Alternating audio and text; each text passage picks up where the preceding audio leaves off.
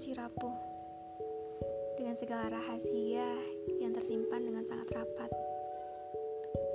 Orang mengenalku sebagai sosok yang dingin dan penuh rahasia di hidupku. Tapi itu berlaku untuk orang yang hanya sebatas tahu sosokku tanpa mau memperpanjang hubungan denganku. Sebagian orang berteman denganku hanya sebatas penasaran dengan rahasia-rahasia di hidupku. Tetapi